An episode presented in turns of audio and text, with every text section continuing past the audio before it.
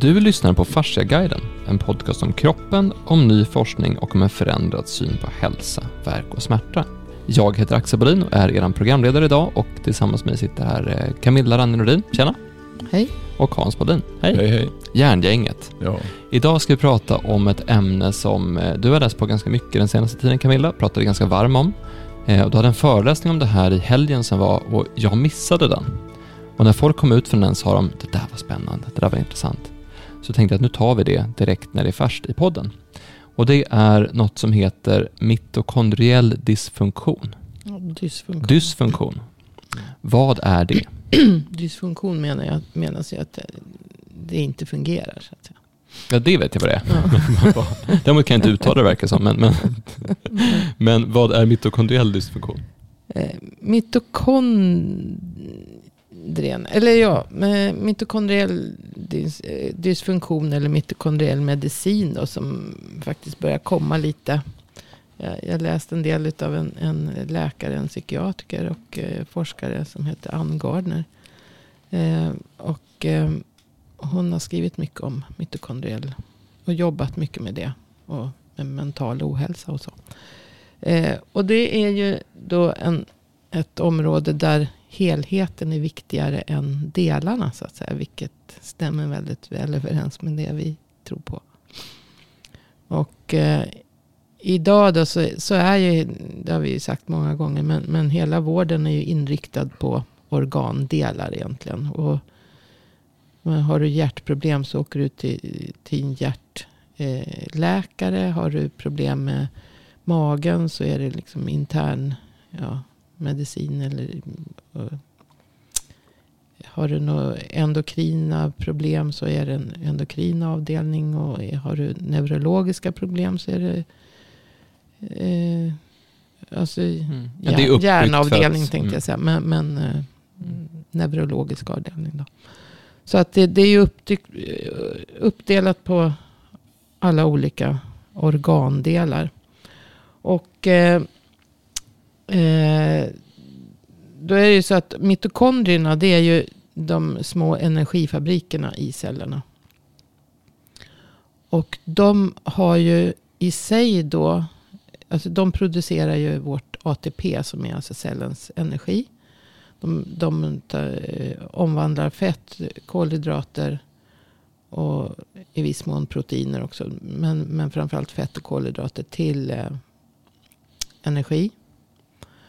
Och eh, då, då är det alltså, allting som vi utsätts för krävs ju energi. Och de här mitokondrierna finns ju, det finns mer än tusen stycken i, i en cell. Och det de finns ju i alla celler i kroppen utom röda blodkroppar. Rö- Röda blodkroppar har ingen, inga mitokondrier. Det blir ganska många mitokondrier. Det blir ganska många mitokondrier. Och dessutom så är det mitokondrier i, i, nervsystemet. Det är mitokondrier i hjärta, muskelceller. Eh, eh, alltså det är mitokondrier precis överallt. Och de som är mest energikrävande då, det är ju hjärna, hjärta, muskler, framförallt ögon och, och så. Men nervsystem, hjärna, nervsystem är ju väldigt energikrävande. Och då är det så, om inte mitokondrierna fungerar, då är det klart att då blir det ju ett symptom, framförallt från de delarna som kräver mycket energi. Så det är mycket, hon, hon skriver mycket eh, psykisk ohälsa, mycket eh, neurologiska sjukdomar, så att säga, psykiska sjukdomar som kanske i grunden kommer ifrån mm, att mitokondrierna inte fungerar. Sen varför de inte fungerar, det, är ju, det finns ju flera orsaker till det också. Att dels kan det vara genetiskt för att de, de har ju sitt eget DNA plus att kärn-DNA också styr. Alltså mitokondrierna i sig har ju eh, ja, jag vet inte vad hon har skrivit då. Men det kan ha hänt nya saker. Men, men eh, det utvecklas ju hela tiden. Men det, de har fem enzymsystem som styr andningskedjan. Och eh, varje enzymsystem kanske har mellan 10-40 enzymer. Alltså det är totalt upp mot 100 enzymer. Det kan eh, finnas fler nu. Så att, eh, och alla de här enzymerna är ju beroende utav ja, till exempel olika näringsämnen, mineraler och, och eh, vissa ko, alltså en massa koenzymer. Det är ju vitaminer och mineraler ofta. För att fungera. Och då kommer vi in på den biten också. Ja, näringsbrist. Och allt som på, alltså när vi blir stressade, det liv vi lever.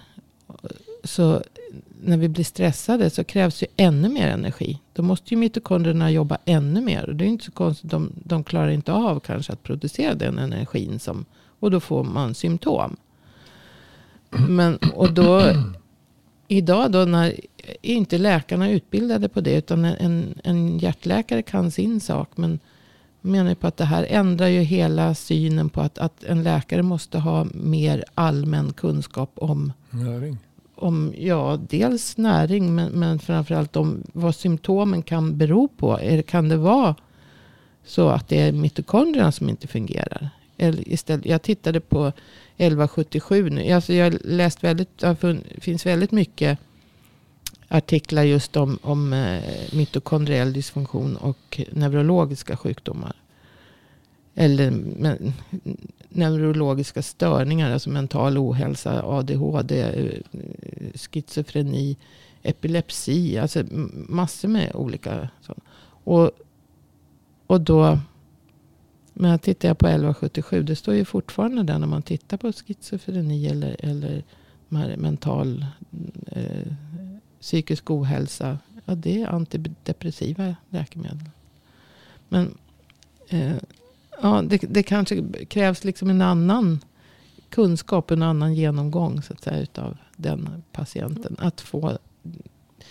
För den, som hon skriver, den, den eh, mitokondriella medicinen går ut mycket på att, att se över kost. Alltså diet, vad, vad äter du? Eh, vad har du för bakgrund? Alltså med, vad, vad lever du för miljö? Vad, vad har du för mm, familjär bakgrund? Eftersom det finns då speciellt mitokondrie-DNA också som liksom styr det här. Och eh, ja, liksom en större helhet. Alltså vad, vad som finns runt omkring. Framförallt det här med livsstil då. Och så. Eftersom det tär ju på, vår livsstil tär ju på mitokondrierna. Man tänker inte på det. Det är bara energi kommer automatiskt. Men det gör inte det. Så egentligen är det, det är någon, eller några, eh, såklart inte någon, några, som har sett på vanliga eller ovanliga problem som har funnits, framförallt neurologiska problem.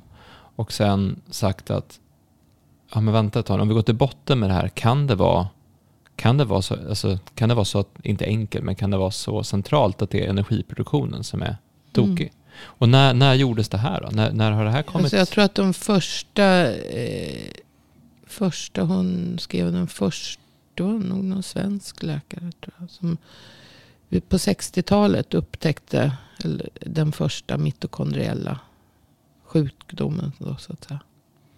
att det fanns en mitokondriell störning. Sen som sagt kan det ju bero på, det kan vara eh, genetiskt men det, det påverkas ju av livsstil och vad man äter. Och det är många eh, men, sjukdomar, då, mental ohälsa, som kan alltså avhjälpas med, med näring. Så att eh, hon skrev i någon, på något ställe då att i USA så var det, fanns det någonting som hette mitokondrieshot. Alltså det var ingen färdig blandning utan man, man gav det till patienter. Och de, de, kanske, de blev så otroligt mycket bättre. Sen, det kanske inte går att bota, det vet jag inte. Men det, man förbättrade förhållandena. De blev så otroligt mycket bättre. Och det görs ju faktiskt. Eh, eh, det är ju många som framförallt B-vitamin. B-vitamin har ju mycket med energiproduktionen att göra. Minns du det Axel? När jag höll på med det där med celloxygen. Mm. Det, är, det, är egentligen det, här, det är precis den typen av det en, var en tysk som tog fram det. Mm. Smakade riktigt illa gjorde det. Vad var det för något? Det var någon gästhistoria eh, oh, yeah. som man tog. Och det var, alltså, det var verkligen... Gäst är ju B-vitaminer. Ja, för det var, då tog man det där och det, det är liksom boosta hela kroppen på en gång Mm, på något sätt. mm. Så att jag kommer ihåg när jag var eh, ung, eh, så kom jag hem på natten. Eh, sådär som man gjorde på den tiden. Då tog jag alltid en matsked Celoxen innan jag somnade. Då var man väldigt, eh, var väldigt, var väldigt bra för alkoholnedbrytningen, om man Ja, säger så. ja. Det var egentligen så, det var, Det, det var alltså, I mitokondrierna, där pågår ju alltså citronsyracykel, andningskedja, fettoxidation. Alltså det, är- det är ju liksom kroppens ja, Mm. stora... Så det, det som jag inte var med det, det var att det var, en, det, var, det var en karl som hade, jag kommer inte ihåg vad hans fru hade för sjukdom, men kanske någon sån här, om det var någon typ fibromyalgi eller något sånt där, för det används till det. Mm, mm. Eh, och eh, då hittade de det här Celoxen. Och så, han, hade, han sålde blommor egentligen. Men han hade agentur för Celoxen också i Sverige. Så ville han sälja den till mig. Och då, för det, var, det var nästan som ett, det var fantastiskt bra att, att ha för att få igång. Det var egentligen enzymer för, för, cell, för celler, för mitokondrierna. Och det var, man hade gjort studier på, jag skickade till en kompis med för de hade gjort studier på om man kunde ha det som vid cancerbehandling, alltså för att underlätta Mm. cancerbehandling.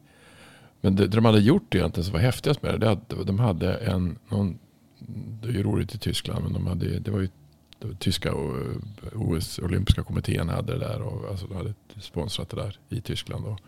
För det var väldigt bra för återhämtning. Mm. Eh, så att det var en idrottare i Tyskland som hade sprungit, det var så sjukt mycket det var.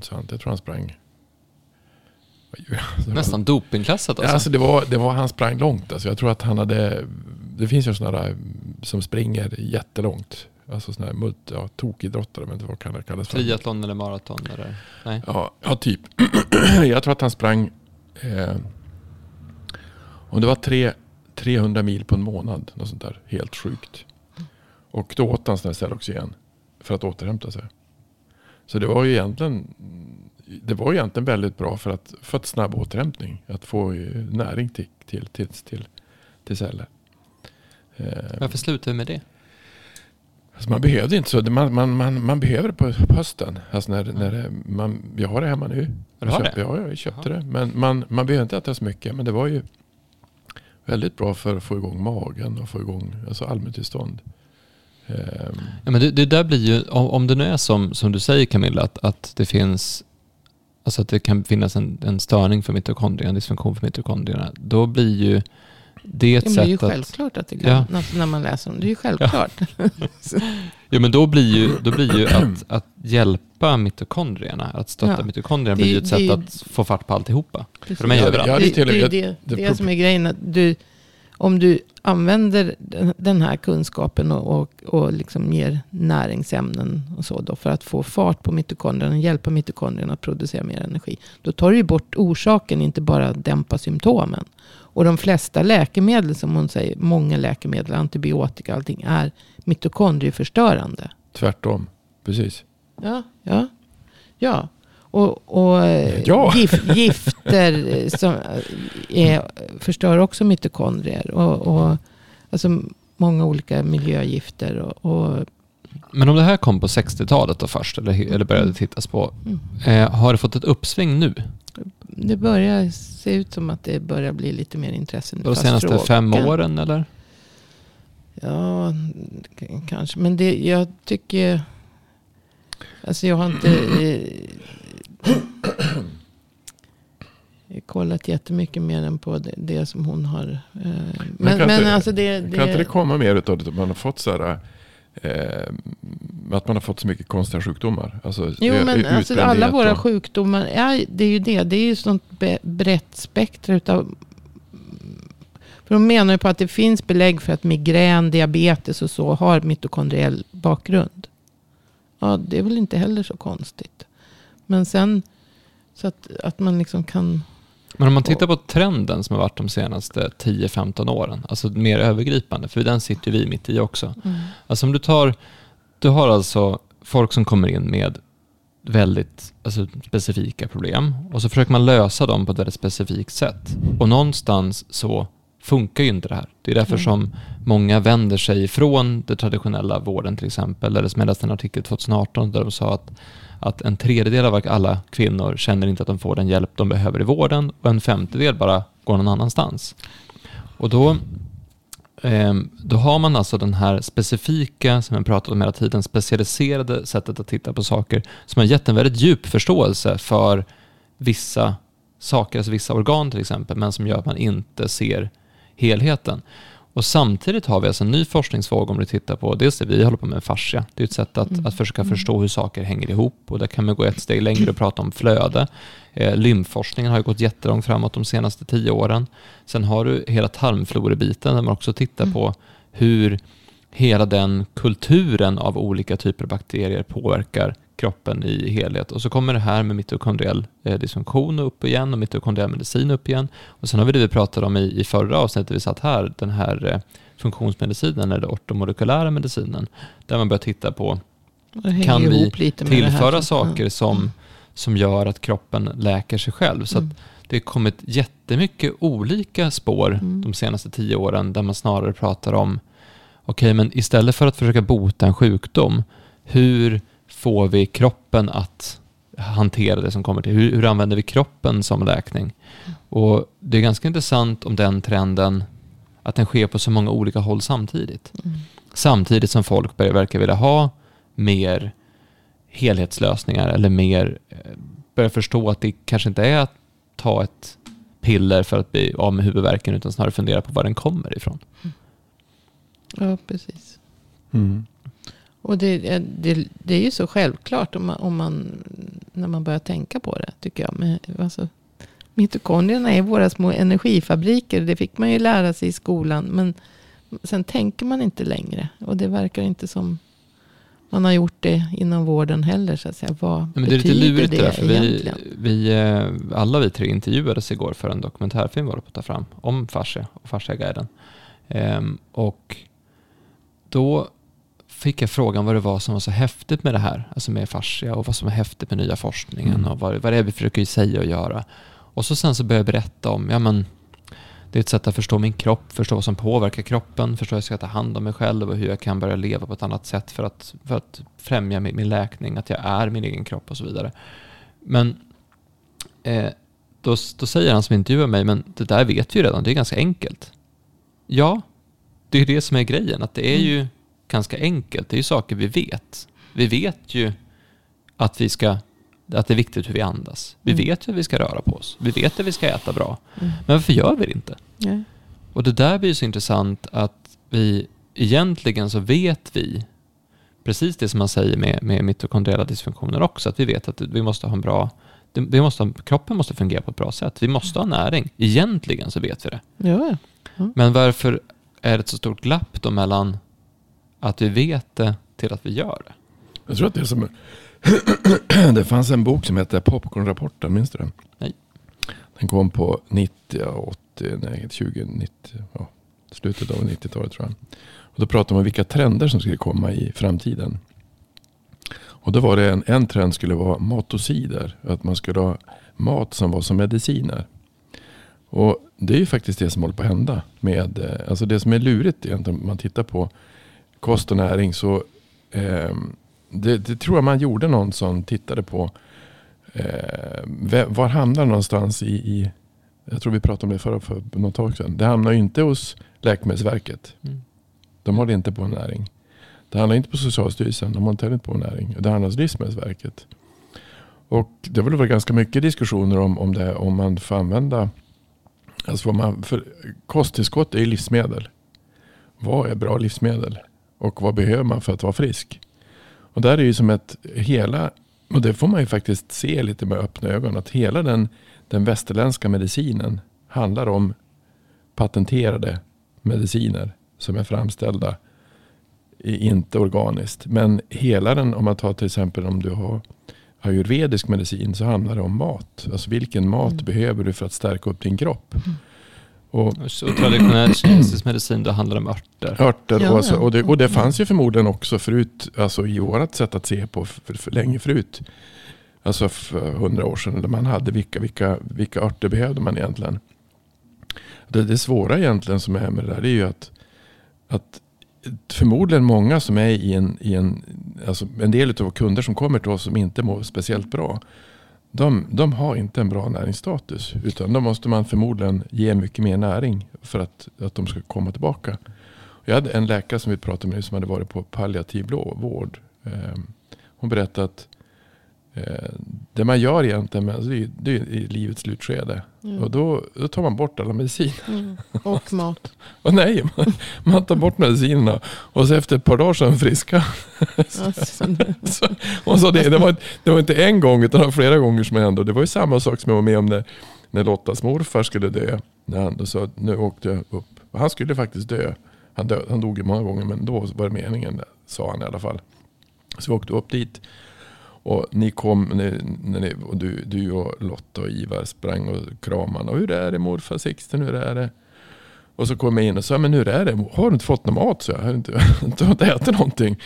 Och, och så gav vi han, så jag åkte och köpte då sån där spirulina och massa frukter och avokado och grejer. Som det här var innan fruktdrink var trendigt, vill jag också säga. Så jag tänkte, för det, det var ett jättebra sätt att få i mycket näring. Mm. Och han, han åt det där två liter på två dagar. Sen var han ju frisk. Mm. Sen var han ju igång igen. Han var uppe till på julafton. Han fick fart på mitokondrierna. han fick fart på mitokondrierna. Så att jag tror att, att det där mat och cider, att man kanske ska se mat mer som, alltså vad är det för mat vi behöver? Mm. Och varför, vad mår man bra utav? Vad mår man inte bra utav? Det svåra är ju att trots att jag vet att jag inte ska äta snabba kolhydrater som jag har harklat mig av så gör jag det i alla fall. Så det är frågan vad, vad vad, vad, är det för mat man egentligen ska äta? Åt du semla i tisdags? Ja, jag, jag, vet, jag vet, men det är skitgott. Så, men varför? Du, du åt ju, jag åt, åt den, Jo, jag åt den också. Åt, åt men det är inte gott. Jo, ja, nej, det är inte gott. Semla? Nej, jag tycker... jag åt den bara för att det var semmeldag. Du gjorde det? Ja, fast men du tog efterrätt igår också, var det inte Ja. ja vad var det då? Jag, vad var det ja, men den var väl okej. Okay. Men, men jag mår inte bra dagen efter då. Eller efter det. Alltså jag Nej. känner av det. Jag känner av kolhydrat. Gör det? Mm. Alltså snabba kol, ris och potatis eh, blir det inte bra utav. Jag äter det i alla fall. Så det, från vad man ska äta istället. Ja. Det var något jag skulle säga där. När, Om mat och cider. Nej, men alltså, det, jag var intressant. Jag hade en, en eh, eh Anna Skipper. Och hon höll på med det förut. Vad heter Du är vad du äter. Mm. Och eh, hon var med och när Lotta fyllde. Men det är så logiskt. Är när Lotta fyllde 35 så var hon, hjälpte hon till att laga mat hemma hos oss. Och eh, det häftiga var att hon lagade mat som efter en kroppstyp. Och man mådde ju så fruktansvärt bra då. Alltså. Om man skulle titta på. Alltså, jag var, tror jag var en vatapitta. Och sånt. Det, heter något. Man är, man är någonting och så är man något annat. Och du, om man äter mat som är mer lämpat för ens, ens nervsystem. Än, det är klart att vi ser olika ut. Det är klart att vi kanske ska äta olika saker. Det gör man mycket mer i Indien än man gör i... Alltså där man anpassar kosten efter vem, vilken kroppstyp man är. Mm. Jag har en kompis med, han åkte ner nu till till Indien med han och eh, två kompisar till han. För att han hade problem med någonting. De kom hem och var ju hur bra som helst. Mm. Jag tror en hade diabetes typ 2. Han hade ingen diabetes när han kom hem. Nej. Så att mat och cider kanske är mer intressant än vad man tror. Men ni, ni tillhör ju en, en eh, annan generation än jag. Eh, när ni var små, var mat viktigt då? Eh, jag tror att det var, jag, jag tror att det var, nej, jag tror att jag kommer ju från Norrland. Det är ju mera. Hör du potatis? potatis, potatis och fisk. Ja, det är min, min, mina, mina morbröder. De åt, ju, de åt ju fisk och bena samtidigt. Stoppa in så kom det ut ben från ena sidan. och det var ju mycket. Nej men det var. Nej, jag tror att man, de jobbar ju mycket. Det var ju mera. Alltså min pappa han jobbade ju när han var liten med flottning. Alltså det, var ju, det fanns ju när jag gjorde lumpen det en kille som jobbade som skogshuggare. Mm. Det fanns ju 100 000 som jobbade som skogshuggare. Det, var ju det är många sådana jobb har ju försvunnit. Så att, jag tror inte, jag, det fanns något, sådana, fanns något program som hette eh, som handlade om, om invandring på 60-talet och vilka som kom med då kom ju mycket folk från Italien och sånt. Och de, och de, de, de, sallad hade man, det var som bara grönsallad, ingen olja, ingen vinäger. Det var så, den var ju tyckte att det var som ett jävla u-land att komma till Sverige. De hade, åt lite allt möjligt konstigt. Ja, precis. Nej, det var sallad och tomater minns jag. Så, och jag tyckte inte om Det var det som tomater. fanns. Nej. Alltså nu, nu älskar jag ju sånt. Men det, nej, men det var... Men jag vet, min, min mamma gick ju på alla de här finterna med, med margarin och pulvermos. Fler, fler och mättade fettsyror. Alltså det, jo men nej inte pulvermos. Nej inte så. Men, men just att man skulle ha margarin. Och, och det var ju, jag tyckte ju aldrig om margarin. Men jag fick ju aldrig äta smör. Nej. Och sen när jag började på Ultuna. Då var det liksom ät smör margarin är skit. Det är bara så. Ja, ja. ja, men, och, och det är ju det här med fleromättade fettsyror som, som är så känsliga för oxidation. Och, så de tål ju liksom inte att, att stå i affärerna någon, någon längre tid. Därför ska man vara noga med att det är kallpressade oljor. Mm. man, man härdar ju allting så att det, bara för att det ska hålla i affären. För annars härsknar det efter mm ganska kort tid. Och då är det inte hållbart att stå på hyllorna. Det och, och det är inte speciellt nyttigt med, med, alltså då är fettsyrorna förstörda. Och de är mer farliga än vad de är. är. Så att, eh, Men kallpressad olivolja är bra? Kallpressad olivolja, kallpressad rapsolja. Bara, bara det är kallpressat. Mm. Och, inte, och, och då håller det inte speciellt länge. Så man får ju liksom vara försiktig. Nu är ju olivolja kanske lite mer hållbart. För det är inte så, så mycket mätta. Det är enkel att mätta.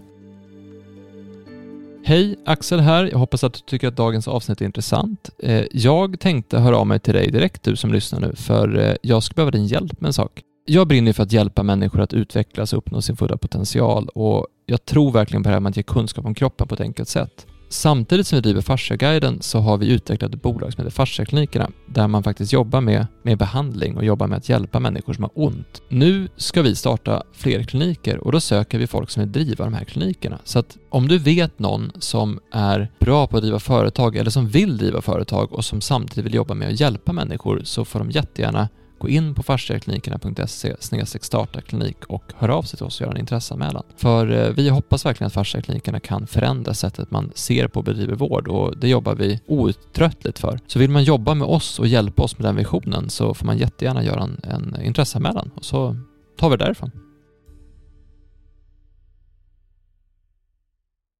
Arforsen hade ju, minns du den där eh, när Vibeke var här, nej, Vibeke, nej inte Vibeke utan Heike Jäger. Då hade vi en, hon, Heike Jäger pratade om fascia och jag pratade om maskinen av fascia eller vad det var för någonting. Och, och Carl pratade om kost. Mm. Han menar ju att, att man inte har förstått vikten av kost och att vi äter alldeles för mycket snabba kolhydrater. Ja. Alldeles för mycket bröd som man inte ska äta alls mm. kanske. Han menar det i alla fall. Därför att det, det, det är inte alls bra. Um, så att jag tror att när, när vi växte upp var det mer att man lydde nog det som man sa ifrån jo, Livsmedelsverket. Och man, man, 67 brödskivor om dagen.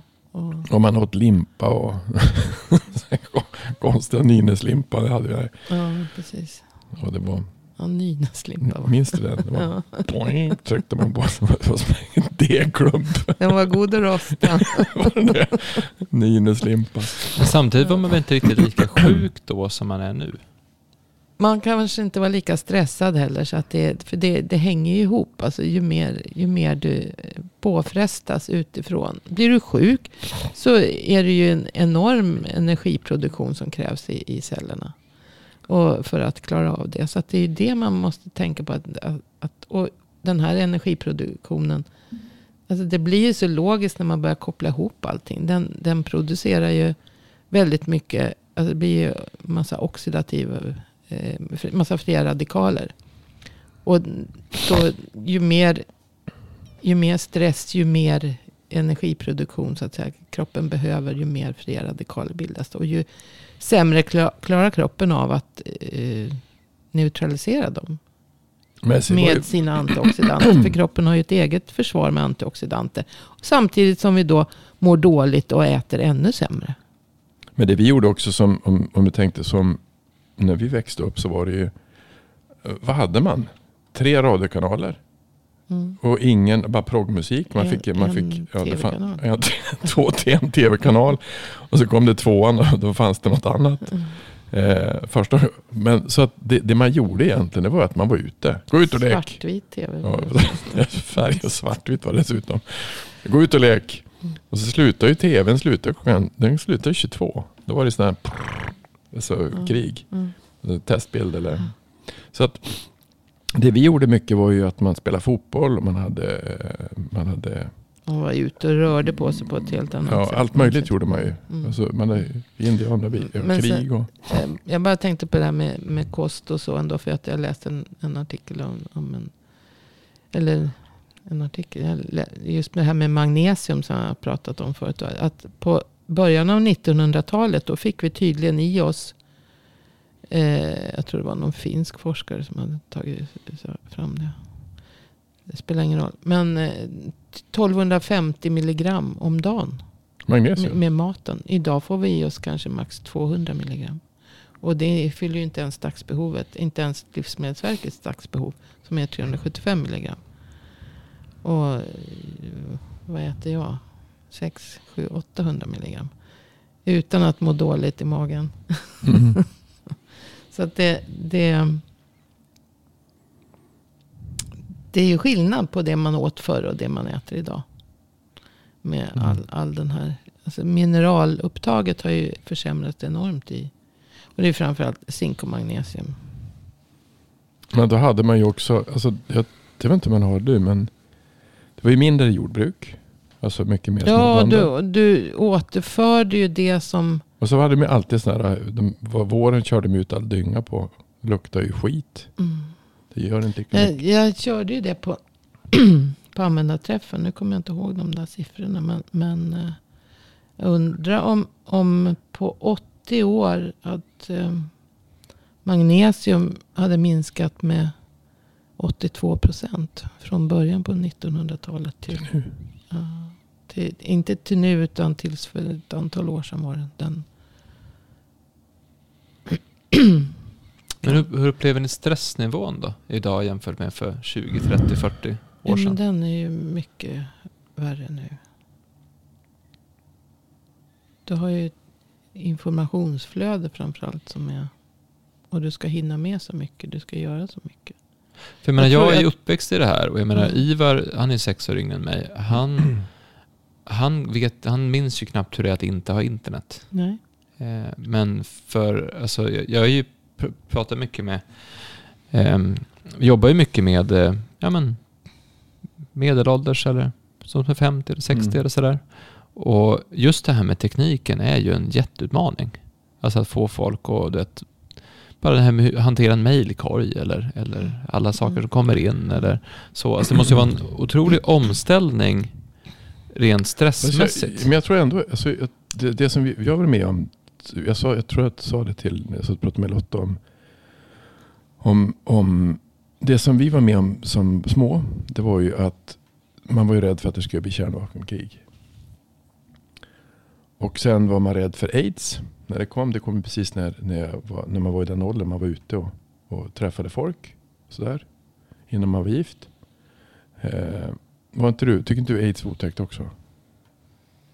Jo, det, för det var ju så, man, det, det bara kom och det folk bara dog. Man visste inte vad det var för Nej. någonting. Och, man, och, och, så. så det var ju otäckt och det var en kompis med som sa att det är som en exponentiell funktion. Och det var ju det för de som fick det. Men det var ju mest homosexuella som fick det från början. För de, men sen spreds det ju överallt. men, så det, först var det eh, kärnvapenkrig, sen var det aids. Eh, sen kom eh, Sen var det ju, sen, sen, sen small ju allting så muren föll ju. Sen var det ju inte länge som muren, alltså det var ju, det var ju lugn och ro i ett och ett halvt år. Sen kom mycket världskriget. Och då var man rädd att, att jag var ju rädd, man var ju rädd att, att, att Kuwait skulle bli, att de skulle få igång israelerna.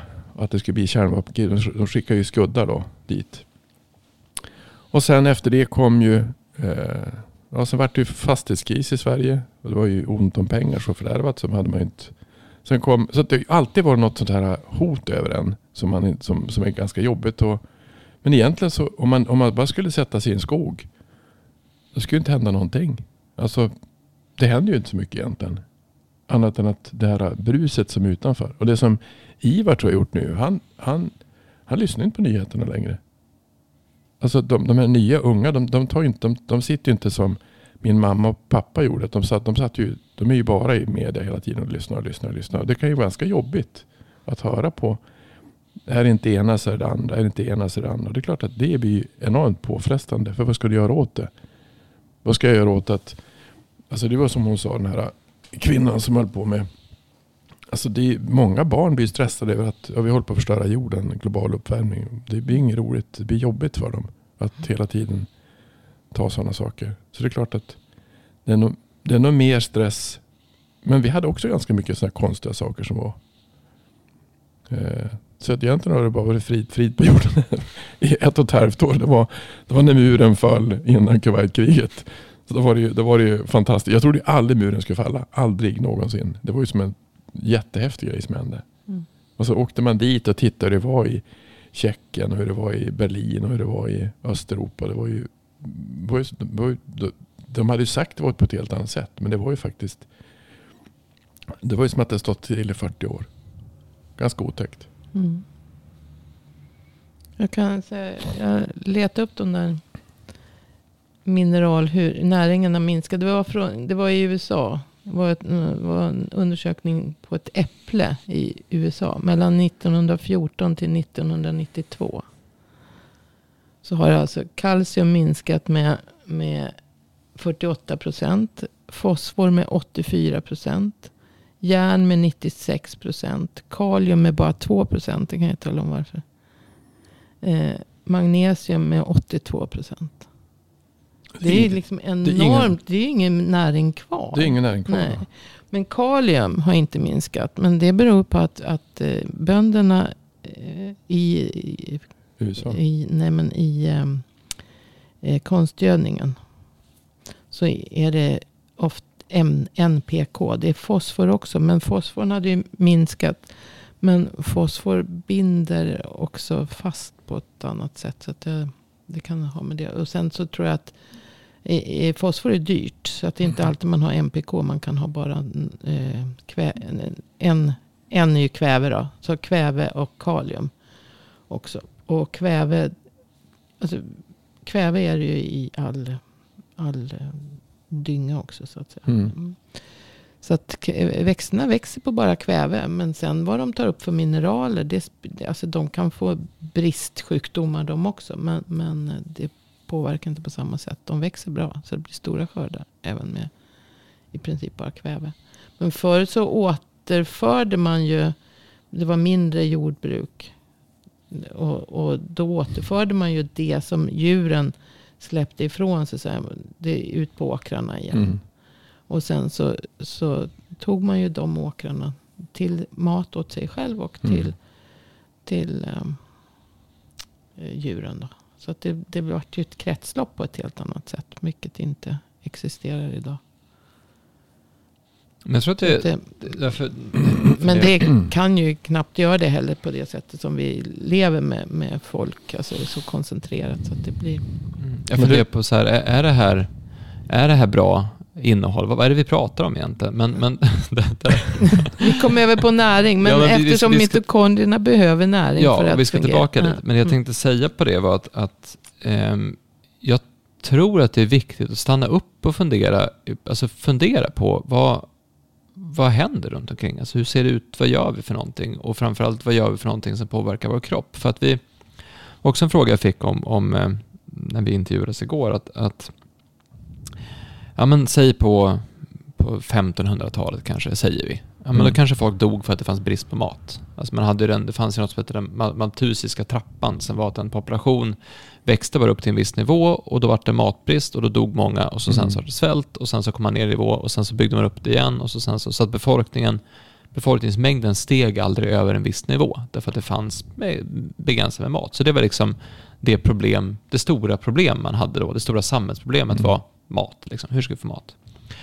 Och det var ju den tiden. men då, åt, då var ju andra sidan maten näringsrik på ett annat sätt. Så att det var en annan, sen kanske man fick, fick man en, en viss typ av infektion då, då dog man. Så det, det, var som en annan mm. tid på ett annat sätt. Så. Mm. Man hade andra problem. Mm. Men vi tror ju ibland att bara för att vi lever i det moderna samhället så har vi tagit bort problemen. Mm. Och vissa problem har vi tagit bort. Alltså, eh, folk dör ju, i alla fall i västvärlden, så dör ju inte folk av svält på samma sätt. Mm. Och får man vissa typer av infektioner, ja då dör man kanske inte längre. Men å andra sidan så har vi en annan typ av, av stresspåslag som leder till en långsiktig nedbrytning av mitokondrierna eller att vi har en näringsbrist eller att vi har eh, att, att det blir en eh, förtätning eller fibroser i fascian som sen gör att vi får andra typer av problem med, med hjärtan eller lungor eller, eller olika mm. typer av sjukdomar eller miljön i vår kropp är mer och mer eh, den, den, den, sjukdom trivs bättre i vår kropp idag. Alltså vår inre miljö är en miljö där, där skit kan växa, liksom, för vi rensar inte ut det. Vi har väldigt mycket socker i kroppen och så mm. vidare. Mm. Så att jag tror att någonstans att förstå att det inte är det, det, inte, det var inte bättre förr och det var inte bättre nu.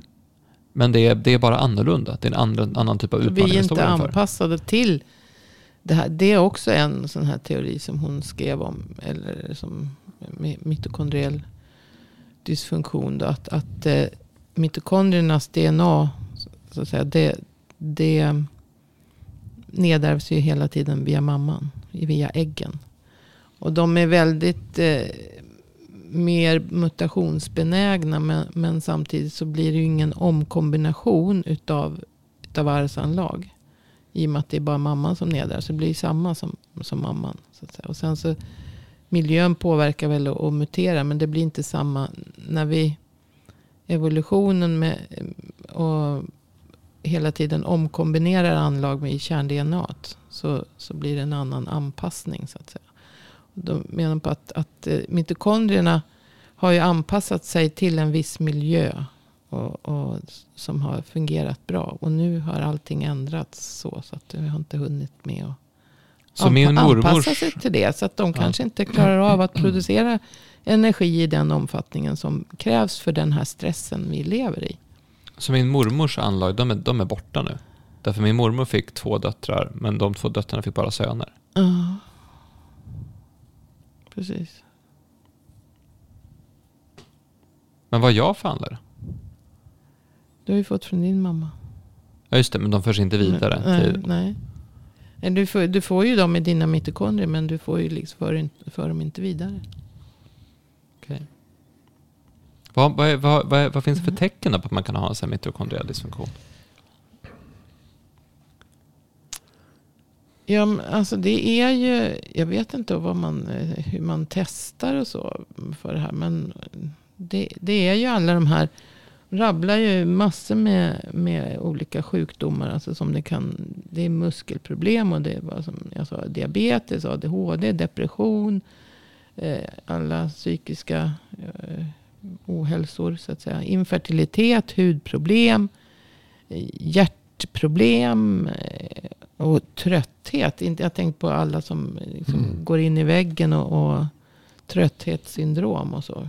Det är liksom, ja, kroppen klarar inte av att producera energi så att vi klarar av den här stressen vi lever i. Mm. Så det, och man, man, man, kanske måste tänka liksom annorlunda. Åtminstone få, få till att det är inte konstigt att tillföra näringsämnen så att mitokondrierna fungerar. Och då har, eh, har de ju då den här ett, en, liksom en samling av näringsämnen som så att säga behövs. Vitaminer och, och mineraler då framförallt. Och det är framförallt B-vitaminer som jag sa. Och mm. sen eh, karnitin. Som är en typ av aminosyra som också hjälper till att, att få fett eh, över cellmembranet in. Så att det kan eh, omvandlas till energi. Men sen är en sak till. Jag tänkte med alla människor som äter så mycket läkemedel. Mm. Och statiner är, är ju liksom ett av de vanligaste läkemedlen. Det kanske jag sa, har sagt någon gång förut. Men det förstör ju mitokondrierna. Mm. eftersom statiner är ju till för att sänka kolesterolet och, och de här fosfolipiderna som bygger upp cellmembranet. Mitokondriemembranet är uppbyggt på samma sätt. Mm. Som cellmembranet med fosfolipider. Så det är som ett, ett fettskikt så att säga. Och statiner ska, ska då minska kolesterol. Vi behöver kolesterolet för att klara av. Mm. Det är också någonting som att vi blir hela tiden pådyvlade att vi ska inte äta fett och vi ska äta rätt sorts fett som är fel sorts fett. Då. Mm. För att liksom... För det är en myt som jag hörde, hörde mycket när jag var liten, att, att man inte ska äta smör. Ja. Att smör var dåligt. Ja. Det är helt fel. Smör... Eh, det är kanon. Ja, sen jag började på Ultuna så har jag bara ätit smör. Jag har inte mått dåligt av det. Och jag har inte ätit jättemycket smör förut. Men nu äter jag jättemycket smör. Och jag men bättre. egentligen blir det så. Om du, om du, jag blir ju bättre i huden. Alltså, jag är ju gammal och, och torr i huden om man säger så. Alltså, man blir ju det med åldern. Mm. Och får mindre kolesterol i huden. Det är därför man tillgodogör sig sämre D-vitamin. Det kan inte producera det i huden på samma sätt heller när man blir äldre. Men man äter smör så blir man ju och bra oljor. Så man bara äter bra oljor nu för tiden. Alltså kallpressad olivolja i princip. Och kokosolja. Och sen eh, smör. Mm. Så mår man bättre. Mm. Men om du säger om, jag har inte fått sämre kolesterolvärden utav det. Om det är så att det är så lite näring i mycket av det som produceras. Om jag då är vegetarian. Då behöver jag då äta. Då, ja. måste, jag, då måste jag tillföra en massa ja, kosttillskott. Och det var det jag sa. Vi tog ett prov här nu. Jag har ätit lite selen nu på sista tiden faktiskt. Mm. Men, men, jag hade ju jättehöga selenvärden. Mm. Eh, alltså på gränsen till för mycket. Och, så jag har slutat ta selen nu. Mm. Men jag kom på att jag hade faktiskt ätit ett, ett sånt här preparat som innehåller lite selen. Så att jag har ätit selentillskott. Så att jag, fast jag hade miss, glömt bort det. Men jag, i och med att man äter, som jag sa, för att man äter kött. Mm. Så har ju djuren fått selen. Eftersom vi är väldigt noga med att djuren ska ha selen. Då, så då får man det den vägen. Men äter man bara in, alltså grön eh, vegetabiliska produkter, framförallt om de är odlade då i Sverige, så mm. innehåller de kiselen. Mm. Alltså när man räknar foderstatus så räknar man noll selen på grovfoder som är odlat i Sverige. Det är noll. Selen. Utan selenet kommer från det kraftfoder och kosttillskott till, till djuren. Så att mm. Det är därifrån man räknar det. Alltså det är en sak som slog mig nu som är ganska sjuk. Det är, för du, du har ju berättat tidigare om, om när som husdjursagronom så tittade man på hur håller man djuren friska och då tittar man på alla aspekter, hur de ska vara trygga, vilken näring de ska få, hur de ska gå och sådär. Och anledning, In, inte stressade, inte stressa. för stress ger... Och, och, anledningen är för att få ut så mycket som möjligt av produktion, alltså produktionsmässigt, mm. och så hög kvalitet på det som möjligt mm. och att så få djur ska kunna dö som möjligt. Så mm. det, det, ja, och så lite veterinärkostnader som möjligt. Ja, precis. Så ja. Det, det, är rent av ekonomiska incitament ja. som ligger bakom att, att djuren ska hålla friskas. Där, men djuren, alltså nötkreatur och så vidare, mm. det är det enda spektrumet av vårt samhälle där det, där, där det finns ett ekonomiskt incitament att det ska vara näring. Mm. Därför att om du tar odling, kor, kor grisar, hästar. Mm. Odling så finns det ett ekonomiskt incitament i att det ska komma mycket och hålla mm, länge. Precis. Inte att det ska vara näringsfullt. Mm. Människor finns ett incitament att vi ska, jag vet inte tusan vad för incitament, men det är i alla fall inte att vi ska vara friska. Energi. Och så, så att egentligen ja, eller vara sjuka för att det ska... Mm. Så att egentligen är ju typ kött det, det enda vi kan äta där, där, som faktiskt har tagits fram med tanke på att det ska vara näringsrikt. Ja, det är ju därför, ja därför, men inte med tanke på att det ska vara näringsrikt utan med tanke på att, att eh, djuren inte ska... Eh, ja, precis. Ja, men konsekvensen blir ju då att köttet ja. innehåller näring och då måste det även gälla smöret också. Ja, det, alltså, ja. det är, samma, det är samma sak. Alltså, de producerar ju mjölken och, och, så att, eh, smör. Och det innehåller mycket A-vitamin och D-vitamin. Och. Men pasteuriserad mjölk, alltså det, det, är ju, alltså pasteurisering är ju kanske inte helt hundra man gör. För man, man gör det. Men, men det, det som är intressant när jag växte upp, det är jag är ju jättegammal, 60 år. Så hade min morfar kor. Mm. Då gick då, man och köpte mjölk i kruka. Exakt, gjorde man. Och eh, den var fet, den var andra, man kunde köpa, köpa mjölk direkt som inte var alltså pasteuriserad överhuvudtaget. Och eh, men det som är intressant är att hans kossor, att, att, då kossorna vart ju typ ja, 15, 16, 17 år gamla. Mm. Vet, vet ni hur gammal en kossa är idag som, som är mjölkko? Fem. Ja, fem, sex år. Fem, sex år. Sen är de slut. Mm. Och då kan man säga, tror ni att det är bra att man kör dem som fabriker? Ja, och de producerar så fruktansvärt mycket mer mjölk. Mm. Men det är och, samma sak med höns och äggproduktion. Alltså det, eh, höns som börjar värpa när de är dryga 20 veckor. Sen när de har värper de Ja, gud, nu har jag glömt bort det. Men de, vad värper de? De värper ett antal veckor. De är ungefär ett år i alla fall. Mm. När de eh, eh, har värpt klart så att säga. För sen måste de rugga. Och, alltså för att återhämta sig. Mm. Då, när de ruggar tappar de fjädrar och så. Mm. Och, så, och då, det, då krävs det ju en massa en, eh, näring för att bygga upp nya fjädrar. Och så, mm. och då, så då har de några veckors viloperiod. Så att säga, men då slaktar man dem. Och så börjar man med en ny omgång. För det är för oekonomiskt att låta dem rugga. Sjukt. Och så blir det inte lika bra ägg, äggkvalitet andra omgången heller. Så att, ja, nu, nu var jag väldigt provokativ. Men syrran hade egna höns. Det var ja. ganska intressant. Ja. Det kan man mm. också ha. Ja. Men alltså de producerar ju ett ägg om dagen i princip. Under ett, en, ett antal månader. Ett eh, halvår. Drygt. Så att, eh, det, det, det är en konstig, konstig värld vi lever i. Ja, alltså jag, jag fick, tänkte just på det. Det är en väldigt konstig värld vi lever i. Alltså det, det, det, det är märkliga beslut vi har låtit styra vad vi gör för någonting. Alltså det är lite märkligt att vi... jag tycker det är väldigt märkligt att vi odlar mat som, som gör oss sjuka. Ja. I princip. Alltså, ja, inte, ja, ja. ja, det är jättemärkligt. Och, men, och framförallt är det märkligt att, att de som styr, eller vad man ska säga, folk som ska ge oss goda råd.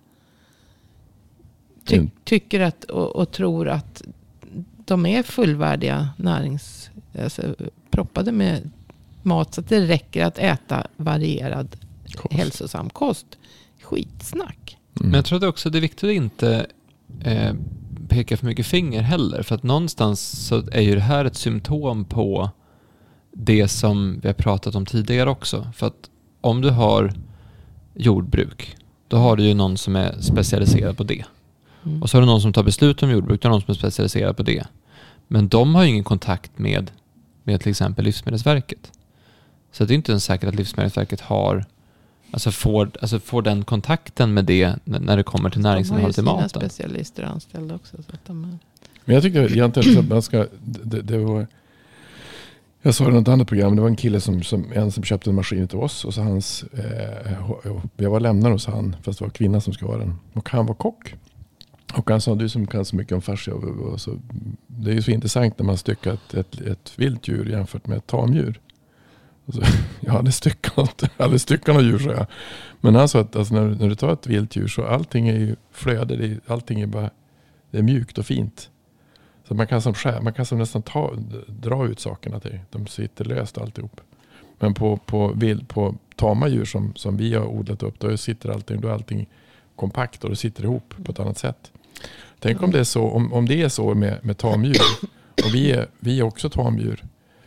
Hur, och då kanske våran fascia ser helt konstig ut. Men det är klart de har, får en annan fascia-kvalitet. Eh, beroende på. Det, det, har ju också med ja, vad, vad maten innehåller. Så mm. Nu, är ju, nu är ju växtätande djur mera skapta för att de ska äta kolhydrater. Så att det är ju inte. Mm något konstigt så. Fast de ska kanske inte äta allt för lättsmälta kolhydrater. De äter ju väldigt mycket fibrer och bryter ner. Så mm. Mm. Sammanfattningsvis så kan man väl säga att vi, vi tog upp det här med mitokondriell dysfunktion. För det är en ny trend, ett nytt sätt att se på läkning egentligen. Att man kan läka på ett annat sätt eller förstå sjukdom på ett annat sätt. Och det finns en trend nu med i flera olika områden där man gör det. Eh, sen har vi suttit och, och pratat om lite allt möjligt som, Som kommit vanligt. uppifrån den. Som vanligt. Men, och vi har, ju sagt, vi har ju sagt en massa saker också som kan vara lite halvkontroversiella eller provokativa, Camilla, eller hur? Men eh, någonstans, om man ska landa i någonting som man kan ta med sig från det här, är ju att det kan vara värt att börja fundera på hur, hur ser min miljö ut? Vad gör jag för någonting? Hur äter jag? Hur Vad får, jag i, jag mig? vad får jag i för näring? Vad får jag i mig? Mm. För fascian påverkas alltså av, av det du tror på, alltså som formar dina beslut, det du tänker, Mm. vad du tänker om dig själv, vad du tänker om andra, hur du reagerar på saker som händer kring tankar och känslor påverkar fascian. Mm. Även ens historik, vad man varit med om och, och vilka idéer det har format hos en, hur man ser på världen, hur man tar sig an världen. Det påverkas av vad vi faktiskt gör. Det är värt att repetera att om du eh, lyfter saker varje dag på ett speciellt sätt så kommer farsan att anpassa sig för att du ska kunna lyfta saker varje dag på ett speciellt sätt. Om du sitter på ett speciellt sätt så kommer farsan att anpassa sig för att kunna göra det. Om du är lite hängig och sitter i soffan så kommer farsan säga så här, kanon, du sitter i soffan, du anpassar oss för det. Men om du istället går ut och går så kommer kroppen att anpassa sig efter det. Mm. Och du blir bokstavligen vad du äter. Alltså det du äter är byggstenarna i din kropp. Så Mm. jag är resultatet av det jag ätit det senaste året just nu. Mm. Och vad är det med? Du blir vad du tänker, äter och gör. Mm. Och du blir hur du hanterar miljön runt omkring dig. Mm. Och det är det här med energin. Det är därför också vi behöver ju syre också. Det är därför djupandningen är så viktigt. Mm. För vi, vi har ju liksom, vi har slutat andas och vi har slutat äta näringsrik mat. Tillräckligt näringsrik mat. Mm. Och det är där allt det här komplexa faktiskt blir väldigt enkelt. Fast, alltså enkelt i teorin. Mm. Men kanske inte svårt att göra varje dag. Men andas, rör på dig och ät bra. Och tänk snälla tankar om dig själv och andra. Mm. Det är väl ungefär det det handlar om. Ja.